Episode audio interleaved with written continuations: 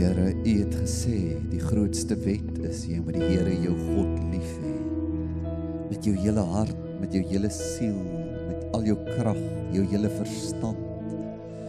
Ons wil U lief hê. Ons wil U aanbid. Ons wil vir U lewe. Help ons om dit te doen, Here, ook as ons na U woorde toe gaan. Praat met ons ook oor ons eie gemoed en hoe ons blymoedige mense kan wees. Ons bid dit in Jesus naam. Amen. Volgende week begin ons met die laaste been van 2 in ons reeks. Moenie jouself bluf nie, jy kan kies.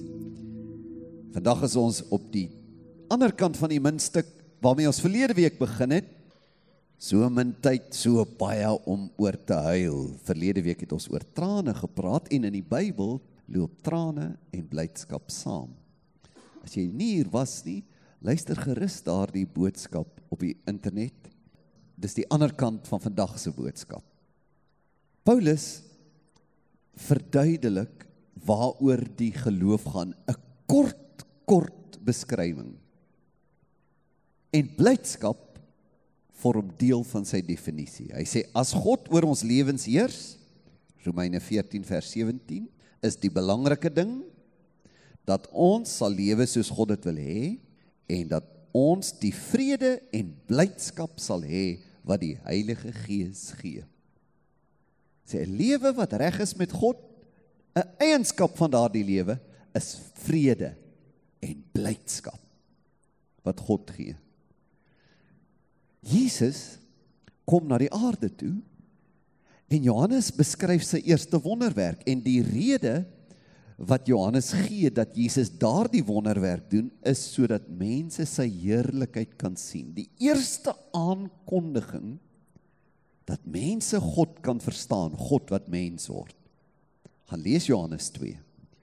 Wat sal die eerste ding wees wat Jesus kom sê sodat ons kan verstaan wat is in hom, wat is in God? Hy openbaar sy heerlikheid sê Johannes. Wat doen hy? Hy maak 600 liter wyn. Verbuisterend. Hy gaan na 'n bruilof toe waar hy weet dinge gaan skeefloop en hy sorg dat die fees kan aangaan.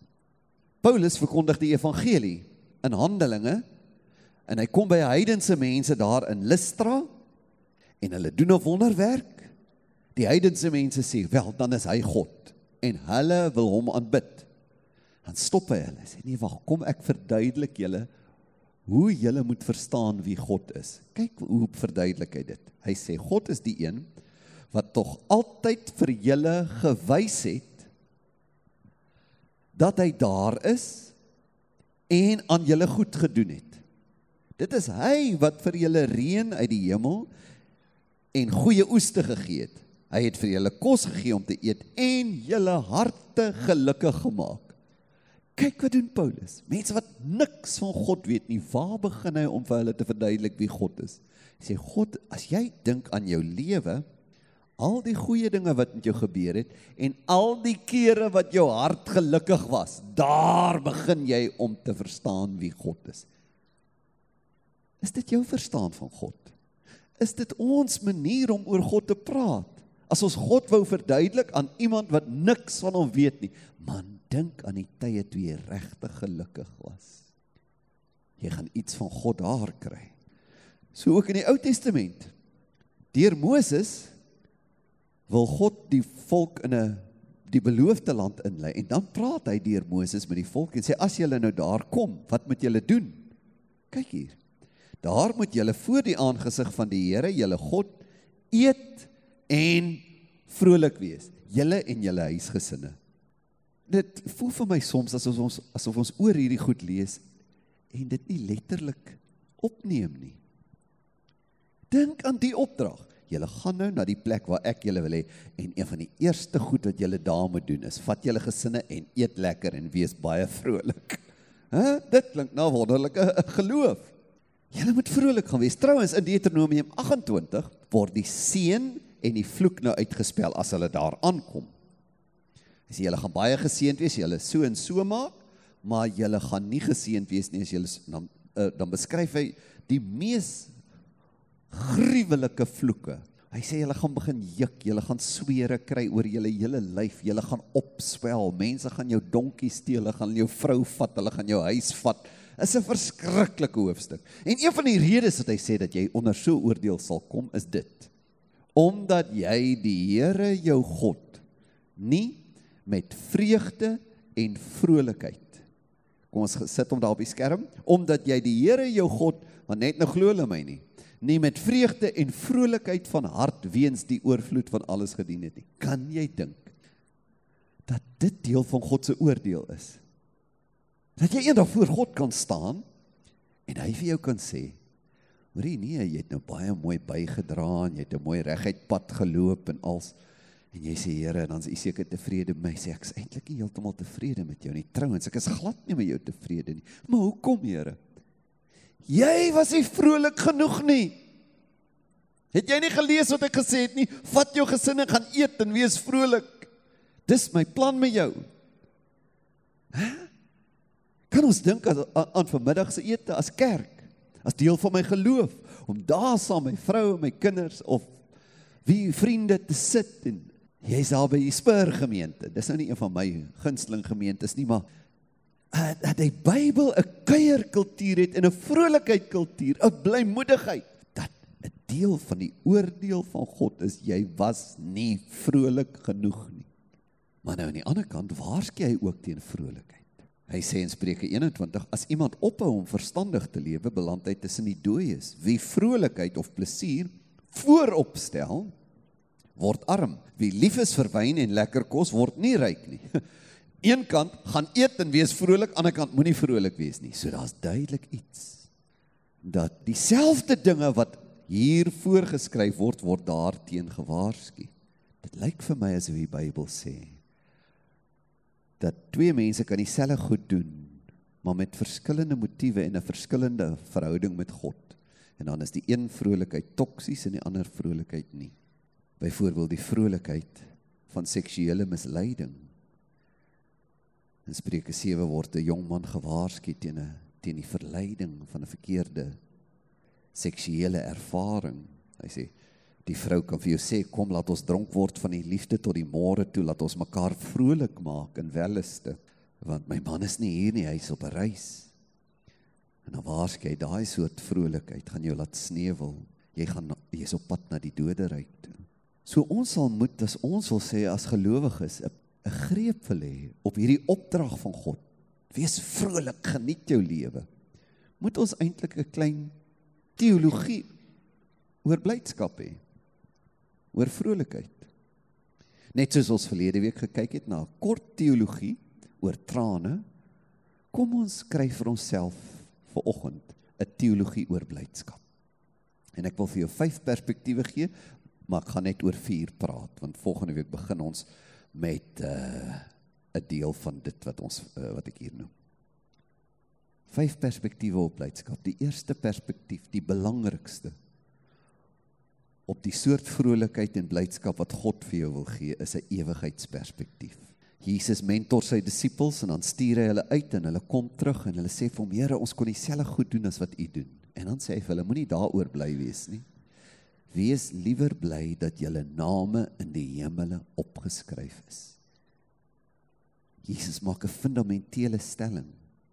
Hy sê laat die primêre rede vir jou om te sê dit gaan met my goed, ek het 'n blymoedigheid.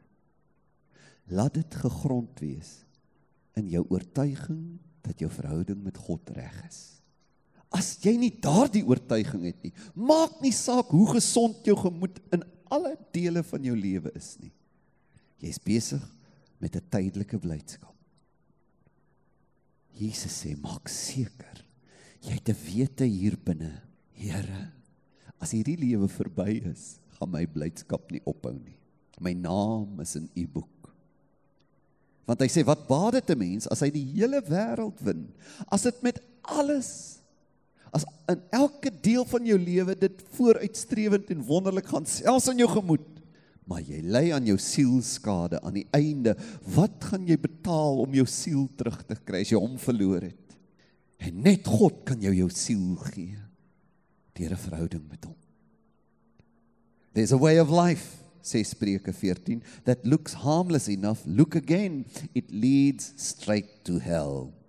Sure, those people will appear to be having a good time, but all that laughter will end in heartbreak.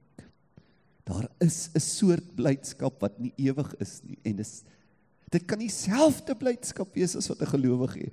Jy kan dieselfde dinge geniet, maar op die ou einde is dit tot jou nadeel want die rede vir die grootste of die grootste rede vir blydskap, daarin stel jy nie belang nie. Jesus vertel twee stories van ryk manne. En ons kan ryk wees op verskillende maniere, nê? Maar in die geval is dit finansiëel wel of mense.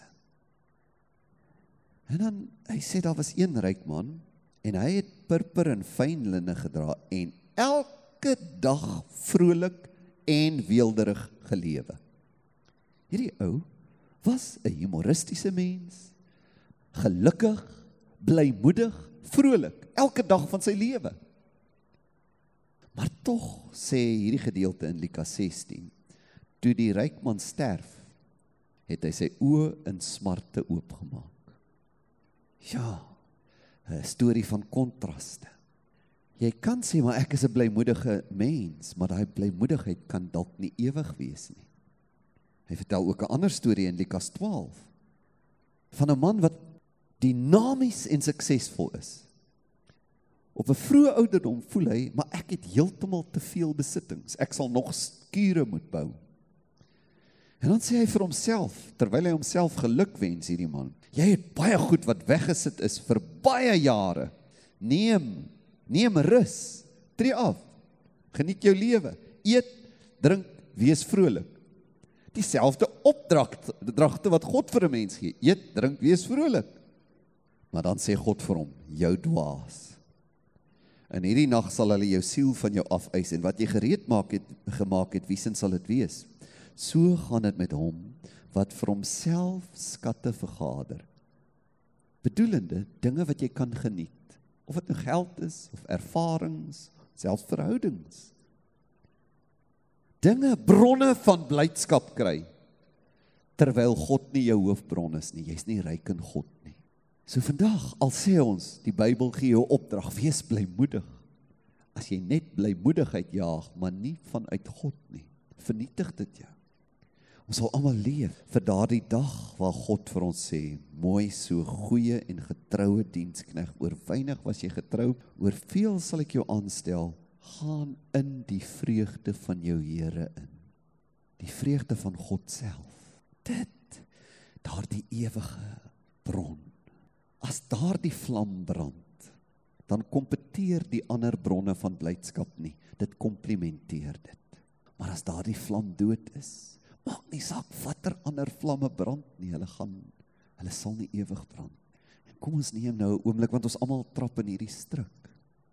Dis asof ons vergeet ontmoeting stil word. Lofsang. My hart oopmaak vir die skrif of vir 'n boodskap. Te kyk na die natuur en en die en die maker van die natuur te aanbid om die ewige bron van blydskap altyd vas te gryp. Soos dit nie doen nie. Is al die ander ervarings van blydskap eintlik vir ons vernietigend. Miskien is jy nie waar jy moet wees nou nie.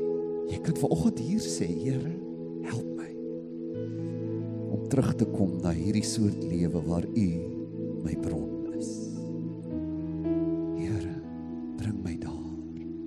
het net nog gesing Jesus we love you. Maak dit nou persoonlik.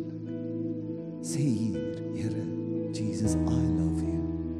U is my bron. U is my ewige bron.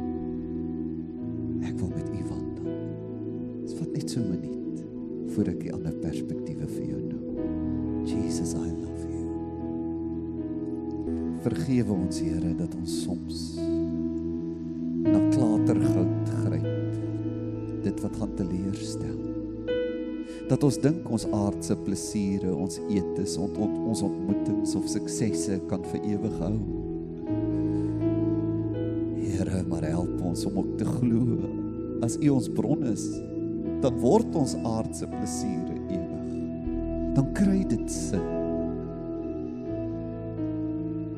U is ons blydskap, Here. Ons ewige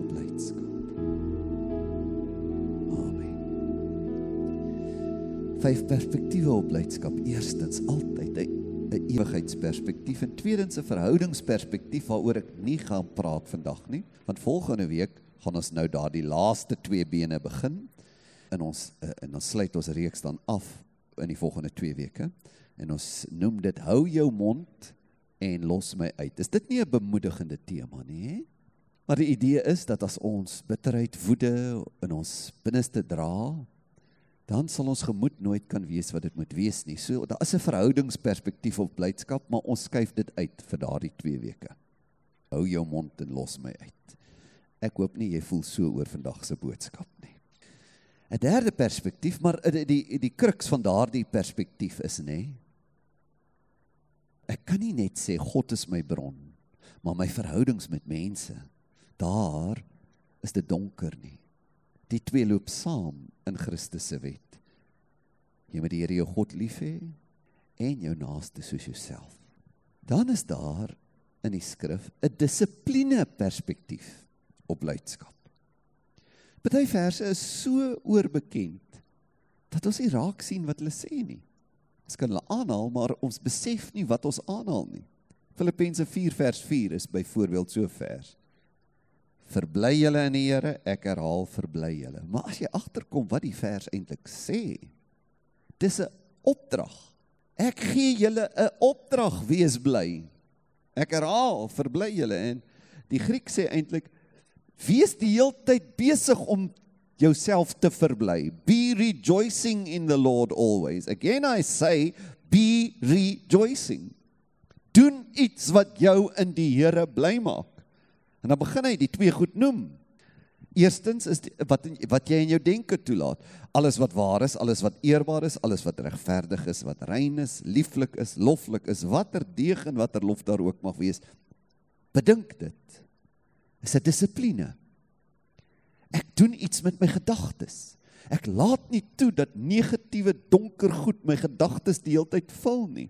Ek sorg dat dinge in my binneste ingeplant word deur my tye met die skrif, deur waarop ek fokus, watse gesprekke ek in betrokke is, watter binne gesprekke ek toelaat, my gedagtes. Verbly julle deur iets te dink. En dan ook deur iets te doen. Julle sien my soort lewe sê Paulus, doen dit. Doen dit. En daar sal iets met jou gemoed gebeur. Is jy iemand wat weet watter dinge jy kan doen vir blydskap. En onthou weer, ons skei nie ons gewone plesiere van geestelike plesiere nie. Ons sê as God in die middelpunt is, neem hy alle plesiere in. Hy vul dit met homself. 'n Gelowige hengelaar vang anders vis as 'n ander een. Al vang hy dieselfde vis, maar hy ontmoet die Here daar. 'n Gelowige drawer draf anders want hy draf saam met die Here. Alles word deel van my verhouding met God, my verhouding met my vrou, my verhouding met my werk. Alles is deel van wat kan jy doen wat jou gelukkig maak? Is dit dissipline? Here, want U wil hê ek moet gelukkig wees. Help my om te weet wat my gelukkig maak. Ek unieke mens. Die dissipline ook in my spiritualiteit Paulus skryf vir Timoteus, train yourself toward godliness, keeping yourself spiritually fit. For physical training is of some value, but godliness, spiritual training is useful and of value in everything and in every way. For it holds a promise for the present life also and also for the life which is to come. Glo jy dit dat geestelike dissiplines, geestelike ontmoetings 'n effek het? It is useful and of value in everything and in every way vir jou. Nou as dit waar is, dan doen jy jouself 'n geweldige guns om 'n geestelike gewoonte aan te leer. It has value in every way in jou lewe. Value in every way. 'n Dissipline perspektief oor wat in my gemoed en lewe sal gebeur. Hy hy so hy hy hy praat oor ons geestelikheid as 'n oefening, 'n dissipline. Ek is redelik fiks, ek oefen gereeld al vir 'n paar jaar. Maar is bitter selde dat as ek uitgaan om te draf of om ander oefeninge te doen, ek lus is daarvoor. Maar dat ek nog nooit by die huis aangekom het ek spyt was ek het dit gedoen nie. Is elke dag 'n nuwe besluit. Ek moet dit nou maar doen. Gister het my bene soos lood gevoel. Ek dink, ag, maar ek gaan maar laat ek dit doen. Maar as jy by die huis kom, is dit anders. Nou vergelyk hy geestelike oefeninge met fisiese oefeninge. Hy sê it has value. As die effek in my gemoed en liggaam vanuit weeklikse oefeninge soveel waarde het. Dis wat hy eintlik sê. In vergelyking met die dissipline om met God te ontmoet jou gedagtes stil te maak. Tyd eenkant te sit of jy lus is daarvoor of nie. Hy sê dan as as fisiese oefening wat in vergelyking met geestelike oefening eintlik niks is nie. Soveel waarde het. Hoeveel waarde sal sal 'n ander dissipline nie hê? Kom ons sluit af met die dissipline perspektief en ons kyk net na die eerste gemeente, die eerste Christelike gemeente. Kyk wat wat is die verslag oor hulle?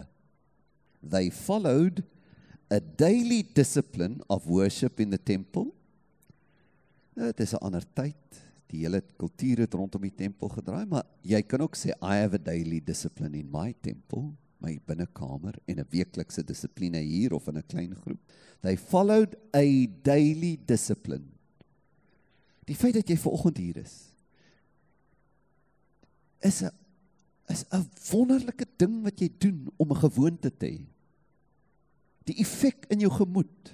Partykeer as ek op vakansie gaan, dan besluit ek ag jy weet ek preek mos nou jaar in en jaar uit die 3 Sondae gaan ek nou in die kerk toe nie. Na die tweede Sondag, dan voel ek dit. Iets is weg. That discipline.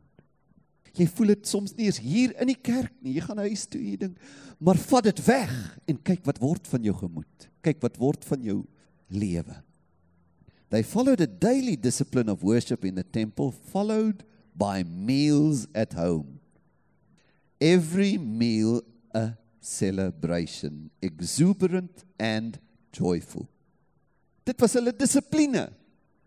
Dit sê dis ons dissipline. Ons is nie nou net in die kerkie kom mense, nou moet ons gaan eet en nou moet ons vrolik saam met mekaar wees. Kom ons ontmoet mekaar. Kom, waarheen gaan ons nou? Ooh, dit was wonderlik. Ons het nou daar 'n boodskap gehoor of ons het die saam die skrif ondersoek, maar nou kom ons gaan eet.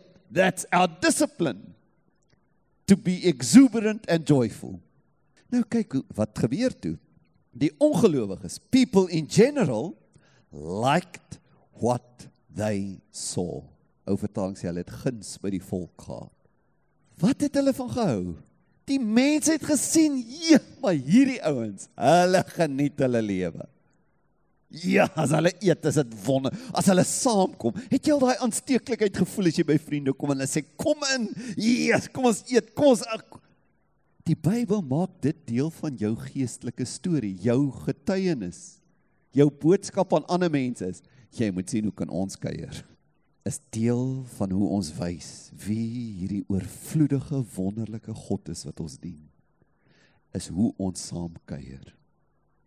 People in general liked what they saw en hulle wou deel van dit raak. Every day their number grew as God added those who were saved. Deel van hoe jy jou geloof aan ander mense kan kommunikeer is die vonkel in jou oë is die vrolikheid aan jou tafel, is jou humorsin, is jou glimlag, is jou blymoedigheid. En dikwels moet ons erken as ons oor ons geloof kommunikeer, is dit morbied. Dit is ernstig, ja, dit moet ernstig wees. Maar van wanneer af is vrolikheid nie ernstig nie? Dis 'n ernstige besigheid om 'n blymoedige mens te wees. Trouwens, is so ernstig dat jy siek word as jy nie blymoedig is nie. People liked what they saw. Kom ons bid dit van die Here vandag. Here, Let people like what they see. Let them like what they hear. Kom ons begeer dit. Vyf perspektiewe, 'n ewigheidsperspektief, 'n verhoudingsperspektief, 'n dissipline perspektief, dan 'n missionale perspektief. Bedoelend, daar is 'n sekere blydskap wat jy net kry as jy begin omgee vir mense. Waar is hulle in hulle lewe, vir hulle pyn? Waar is hulle in hulle geloof? Lukas 15 is daardie klassieke hoofstuk van verlore goed wat gevind word. Eers 'n skaap wat weg is, dan kry die herder daai skaap, dan nooi hy sy vriende en hy sê: "Kom, julle moet saam met my bly raak." Want ek het daai skaap gekry en dan sê "Net so is daar in die hemele blydskap oor een sondaar wat tot bekering kom." Daar is 'n sekere blydskap wat jy nooit gaan hê totdat jy begin bekommerd raak oor mense nie. Volgende verhaaltjie daar wat Jesus vertel, nou nie op die skerm nie, 'n vrou wat 'n waardevolle penning verloor, dan soek sy oral, dan kry sy hom, maar roep sy al vriendinne en sê kom, julle moet saam my bly raak, vrolik raak. En dan dan sê die uh, een daar, net so sal daar blydskap voor die engele wees. So daar's twee. Hy sê blydskap in die algemeen in die hemele en dan die engele self. O, hy's in daardie ou, hy begin kerk te kom daai huwelik is gered. Daai jong ou kom nou en, en, en ek ek ervaar soms daardie vreugde. Gisteroggend vroeg hier by Wikbaai het ons 'n klompie mense gedoop. Van hulle het my kom sien in diep krisisse, moeilike tye in hulle lewe. En nou het hulle oorgawe gemaak. En daar vroegie oggend sê hulle hulle glo in die Here en hulle wil hulle laat doop. Die omgee vir mense in jou kantoor, jou eie kinders, jou familie. Daar's 'n sekere stuk verlede week het ons dit gesê, daar's trane daaraan verbonde, maar die ander kant van daai minskap is intens 'n uh, minstuk is intense blydskap. Die wete Die Here wil my gebruik om vir hulle te bid, om hulle te bereik. Eers gaan hulle inkom in die dag as jy sien, ja, my omgee 'n verskil gemaak. Kry jy 'n stuk blydskap wat uit die hemel kom natuurlik so ook daardie verhaal van die verlore seun. Die skaap, die penning en die seun. Toe hy terugkom, wat sê die pa? Bring die vetgemaakte kalf, kom ons hou braaivleis. Laat ons eet en vrolik wees. Wat my seun was dood en hy het lewend geword en hy's verlore en hy's gevind en hulle het vrolik geword. Maar die oudste seun wil nie inkom nie. Jy ken die storie so goed pleit sy pa hom en kyk sy woorde. Ons moet tog vrolik en bly wees want hierdie broer van jou was dood en hy het lewend geword. Ons moet bly wees. Pa sê vir hom daar is daar is iets in die hart van God wat geen mens kan kry wat soos hy oudste broer is nie. Die oudste broer het nie omgegee waar sy jonger broer is nie. Sodra jy begin omgee, word jy deel van die partytjie. Ook Jesus hy sit daar, hy stuur sy disippels om kos te gaan koop.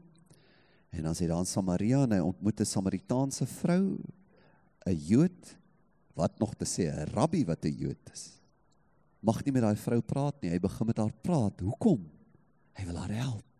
Hy weet haar lewe is in chaos sy het al veelvuldige mans gehad en nou bly sy weer by 'n man. Ek dink haar vierde of vyfde man. Hy weet hierdie vrou is verlore, haar lewe is hartseer. Sy's op die afdraande pad en hy begin met haar praat, soveel so dat sy in haar omgewing ingaan en vir almal sê ek het die Messias gevind. Nou kom sy disippels terug met die kos. Dan sê hy ek sien nou honger nie. Sê die Here, wie het vir u kos gegee? Dan sê hy my voedsel is om hierdie goed te doen. Dis asof hy iets so intens ervaar het toe hierdie vrou besef hy is haar redder. Hy sê ek kan nie nou eet nie. En dan sê hy vir sy disippels so. Hy sê julle, die een wat saai en die een wat oes is saam bly en ek stuur julle om 'n oes in te samel. Wat sê hy vir hulle? Daar as julle regtige blydskap wil hê, raak besig met die oes of met die saai werk. Soos ek nou hierdie vrou gehelp het, daar's 'n blydskap, daar's 'n dis soos kos wat jy gaan kry. 'n missionale perspektief en laastens vanoggend 'n vertroue perspektief. Dit is so dat ons soms voel my omstandighede, my pyn, my krisis, my gemoed is net af. Wat maak ek nou met 'n blydskap 'n boodskap oor blydskap? As ek is waar ek nou is, ek gaan deur 'n egskeiding. E, ek is baie siek. Ek is bedruk waar ek hier sit. Dit beteken nie dat die blydskap opdrag nie op jou van toepassing is nie. Daar's 'n deel van ons blydskap wat saam met ons pyn gaan. Waar ons sê alles ek hoe bedruk. Dit dryf my nie van die plek af waar ek God vertrou nie. Dat ek bely 'n blydskap diep diep onder my gemoed. 'n Vertroue blydskap. Here, hierdie gaan my nie laat ophou glo nie. Hierdie gaan my nie laat ophou bid nie al voel ek sleg, onder die sleg voel, is iets wat vir my sê ek kan tog bly wees dat ek God kan vertrou al voel ek hoe sleg. In een hart kan daai diep blydskap en 'n verskriklike pyn saam bly. So was dit met Jesus. Kyk wat sê Petrus hoe het Jesus die dood oorwin? Hy sê dit was onmoontlik dat die dood hom sou hou. It was not possible for him to continue to be controlled by the pangs of death. For David says in regard to him, I saw the Lord constantly before me, for he is at my right hand, that I may not be shaken or cast down from my secure and happy state. Dink jy Jesus in Getsemane, hy het trane gestort, maar tog onder die trane weet hy niks gaan my van my Vader af weghou nie.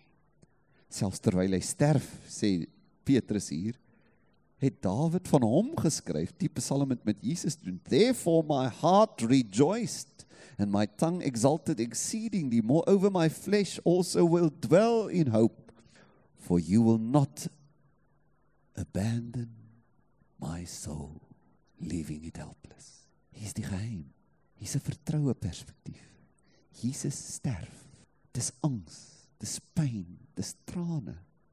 Maar saam met daardie trane, sê hy, You will not abandon my soul. U sal my nie los nie. Al sê ek waar is u? Glo ek ook u sal my nie los nie.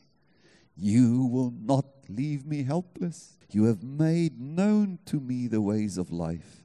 You will enrapture me, diffusing my soul with joy. With and in your presence. Wat sê ek vir jou? Al is jy in jou gemoed en jou liggaam in jou omstandighede of verhoudings op watter donker plek. Jesus was op 'n donkerder plek. En daar het hy God vertrou dat God by hom sal wees. En gesê ek glo al voel ek u nie naby nie u is naby. Al voel ek swart gallig taal hopeloos sê ek u sal my nie los nie. Ek vertrou daar's 'n stuk vertrou vertrouensblydskap. En hy sê so kon die dood Jesus nie oorwin nie. So waar is jy ver oggend aan die einde van die diens? Here, ek wil 'n ewige blydskap hê. Ek wil hê my verhoudings moet reg wees. Ek wil dissipline hê wat my 'n blymoedige mens maak. Ek wil ook ander mense bereik en ek wil u vertrou hier waar ek is. En al gaan ek deur watter tyd u sal daar wees vir my. Ek glo dit. Niks sal my kan vernietig nie. En dat niks wat na ons kant toe kom in ons lewe u teenwoordigheid kan wegneem nie. En u is die God van ons diep blydskap. Help elkeen wat hier is wat dalk op 'n moeilike plek vandag is dat ons ons blydskap in U kan vind. In Jesus naam